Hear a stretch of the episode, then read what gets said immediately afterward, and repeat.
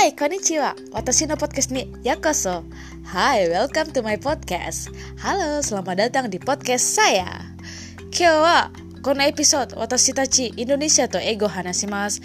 In this episode we will talk in English and in Indonesian. Di episode kali ini, saya dan teman-teman saya akan berbicara dalam bahasa Inggris dan bahasa Indonesia. Ayo kita dengarkan.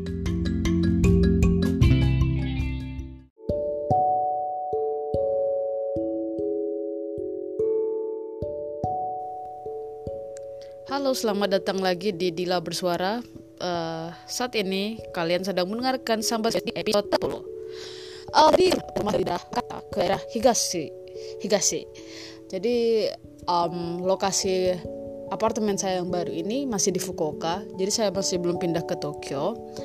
Dan lokasi perumahan ini benar-benar di luar dari bayangan saya.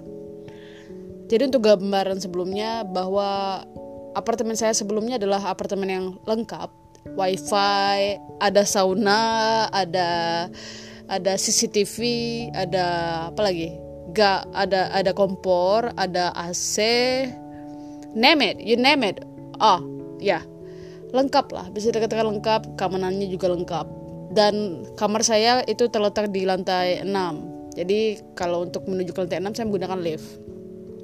Saat itu status saya tinggal di rumah itu adalah sebagai mahasiswa. Jadi mahasiswa itu punya banyak benefit. Misalnya ketika kalian ingin kontrak rumah, kalian bisa mendapatkan jaminan dari pihak kampus, pihak sekolah ya kan. Nah, untuk mendapatkan jaminan dari pihak sekolah biasanya harus mendaftarkan diri ke divisi internasional kampus misalnya. Dan kalian harus membayar sekitar 3000 sampai 6000 yen kalau saya tidak salah. Namun sayangnya tahun ini uh, jaminan yang dilakukan oleh pihak sekolah di pihak universitas itu akhirnya ditiadakan lagi. Nah kebetulan di saat yang bersamaan saya itu lulus kuliah. Jadi ketika lulus kuliah saya statusnya bukan mahasiswa lagi sehingga benefit-benefit yang saya dapatkan selama menjadi mahasiswa itu menjadi hilang. Status saya di Jepang ini sebagai apa? Status saya di Jepang itu sebagai pencari kerja. Karena saat ini saya sedang melakukan uh, interview ke beberapa perusahaan ya yang uh, tahun masuknya adalah tahun depan. Jadi perlu dicatat bahwa di Jepang itu biasanya proses job hunting itu dilakukan setahun sebelum wisuda. Jadi biasanya persis setelah wisuda di bulan berikutnya Anda langsung kerja. Ya, jadi uh, suka-suka sudo itu aktivitasnya suka-suka sudo dalam bahasa Jepang. Namun sayangnya kenapa saya tidak mencoba untuk mendaftarkan diri untuk mencari kerja setahun yang lalu? Ya seperti yang sudah saya bahas di podcast podcast sebelumnya, saya tuh nggak tahu kapan saya wisuda pertama karena saya programnya doktor. Dan yang kedua itu nggak kepikir oleh saya untuk pindah ke jalur industri. Saya baru akhirnya memutuskan untuk tidak menjadi akademisi uh, tiga bulan sebelum saya akhirnya wisuda. Sehingga akhirnya saya uh, menetap untuk beberapa dalam beberapa waktu. Ya kalau saya diterima kerja di Jepang bisa jadi saya selamanya di Jepang dan karena calon suami mungkin di Jepang. Um, jadi saya men me menggunakan visa designated designated activity atau visa khusus dikhususkan untuk para fresh graduate yang baru wisuda dan akan mencari kerja di Jepang. Dan hal ini juga sudah saya bahas di podcast sebelumnya. Nah, berhubung satu saya sudah bukan mahasiswa lagi, saya nggak nyangka ternyata untuk mendaftarkan diri atau untuk mencari apartemen yang baru itu susah banget, susah banget dan mahal banget. Jadi berkali-kali lipat harganya ketika kamu bukan mahasiswa lagi untuk masuk ke apartemen itu. Setidaknya kamu perlu uang sekitar um, 16 juta kalau dirupiahkan. Ya sedangkan saya sedang baru aja wisuda mana ada duit sebanyak itu gitu kan dan saya juga nggak nggak part time job waktu itu. Saya baru mulai part time job itu di bulan Maret. Di bulan Maret tahun ini. Uh, kemudian melalui berbagai macam lobby, proses lobby akhirnya saya dapat juga apartemen yang baru yang mungkin harga apartemen jadi rata-rata apartemen di Fukuoka itu harganya sekitar 5 juta rupiah 5 juta rupiah. Cuma um, ya ada kasus-kasus tertentu yang kalian bisa mendapatkan apartemen yang lebih murah. Apartemen itu biasanya terletak di daerah antah barantah tetangganya biasanya orang asing juga yang yang biasa berasal dari negara Asia Selatan dan juga tidak ada kompor tidak ada wifi tidak ada gas dan lain-lain gas ada sih uh, tidak ada CCTV dan biasanya bangunnya bangunannya berupa tiga lantai biasanya untuk apartemen kayak gini tuh harganya sekitar 2 juta dan Apartemen itulah yang saya tempati saat ini. Tapi sayangnya karena saya bukan mahasiswa lagi dan tidak ada penjamin, tidak ada yang mau jadi garantor saya. Uh, jadi saya harus membayar rumah yang harusnya seharga 2 juta menjadi rumah yang seharga 4 juta. Mau sekarang tuh saya lagi masa dongkol-dongkolnya. Jadi uh, malas untuk mengerjakan hal lain. Padahal saya ini lagi dalam proses ini apa? Dalam proses wawancara untuk company yang saya daftar. Tapi berhubung nggak ada wifi di kamar ini, saya harus pergi ke warnet bahkan. Kalian kapan sih terakhir ke warnet? Ya jadi warnet di Jepang itu ternyata fungsinya tidak cuma untuk warnet, bukan untuk net, tapi kalian bisa tidur di sana dan di warnet itu terdapat berbagai, berbagai macam fasilitas. Kalian bisa biliar, kalian bisa karaoke, kalian bisa makan dan minum sepuasnya oh untuk minum itu gratis sepuasnya bahkan ada es krimnya ya tapi yang namanya fasilitas kayak gitu ya tentu harus bayar ya. Untuk untuk biaya internetnya sekitar 150 ribu untuk tiga jam.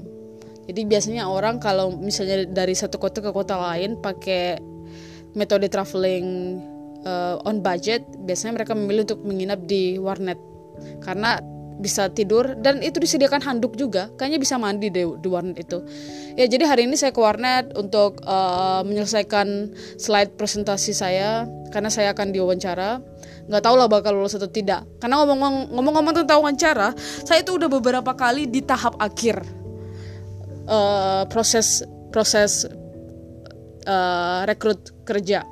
Jadi uh, saya itu sudah terbilang be beberapa bulan sebelumnya saya itu fokus ke perusahaan startup. Karena perusahaan itu biasanya berbahasa Inggris. Gajinya juga gede. Tapi bisa juga itu cuma tertulis tertulis doang.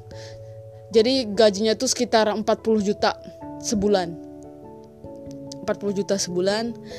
Uh, dari company ini saya tuh seakan-akan bakal diterima banget gitu.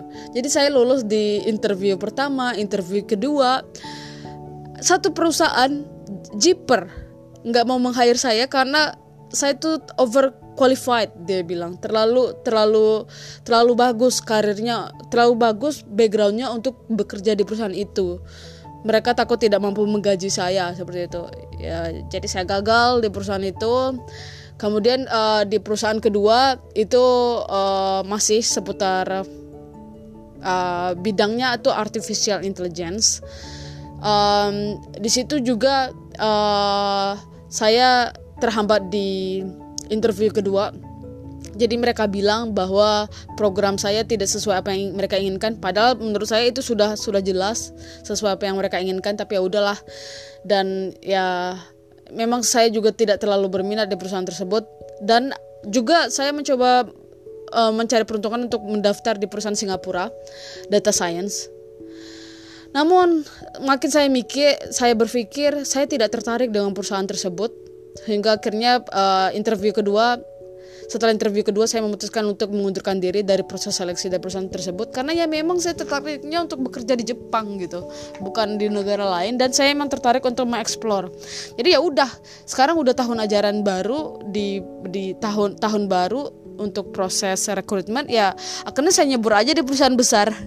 Karena sebelumnya saya idealis saya pengen jadi startup karena biar bisa apa biar bisa saling diskusi lebih mendalam bersama CEO-nya langsung. Tapi akhirnya ya udah saya masuk mencoba untuk masuk ke perusahaan besar. Karena ya berdasarkan pengalaman yang udah-udah dengan alasan saya overqualified ya udah di perusahaan besar ini emang syarat yang dibutuhkan adalah seorang PhD di bidang artificial intelligence juga dan mungkin uh, di kamar kalian ada ada barang-barangnya seperti itu. Ya tapi saya nggak tahu nih bakal lolos atau tidak. Kalau lolos ya bagus. Artinya artinya ya saya kerja mulai tahun depan. Bukan tahun ini ya. Jadi mau saya lolos kerja ataupun tidak tahun ini uh, saya belum memulai pekerjaan itu. Pekerjaan akan dimulai pada bulan April. Nah saat ini apa sih yang saya lakukan untuk mengisi hari-hari saya dan mencari duit? Nah saya itu menjadi guru TK asisten asisten teaching assistant. Dan juga saya akan bekerja di di restoran nih. Sebuah steak restoran steak di Fukuoka yang merupakan franchise di Jepang ya dan juga ada di luar negeri juga. Ya itu sih pengalaman yang benar-benar baru. Satu hal yang mengganjal di saya kali ini adalah yaitu uh, lokasi tempat tinggal. Saya tuh nggak suka banget tinggal sama di daerah yang banyak orang Asia Selatannya.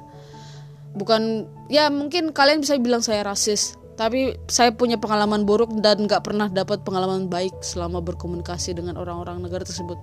Dibayangkan aja ada yang ada yang nyuci bajunya tengah malam ada yang setel musik ini di Jepang loh. Setel musik itu sampai keluar-luar ibarat rumah dia sama rumah saya itu jaraknya seberapa jauhnya gitu nggak tahu lah. 500 meter 100 meter 100 meter. Ih padahal itu kalau di apartemen saya yang sebelumnya itu ngomong kayak gini aja mungkin kamar saya udah diketok berisik gitu.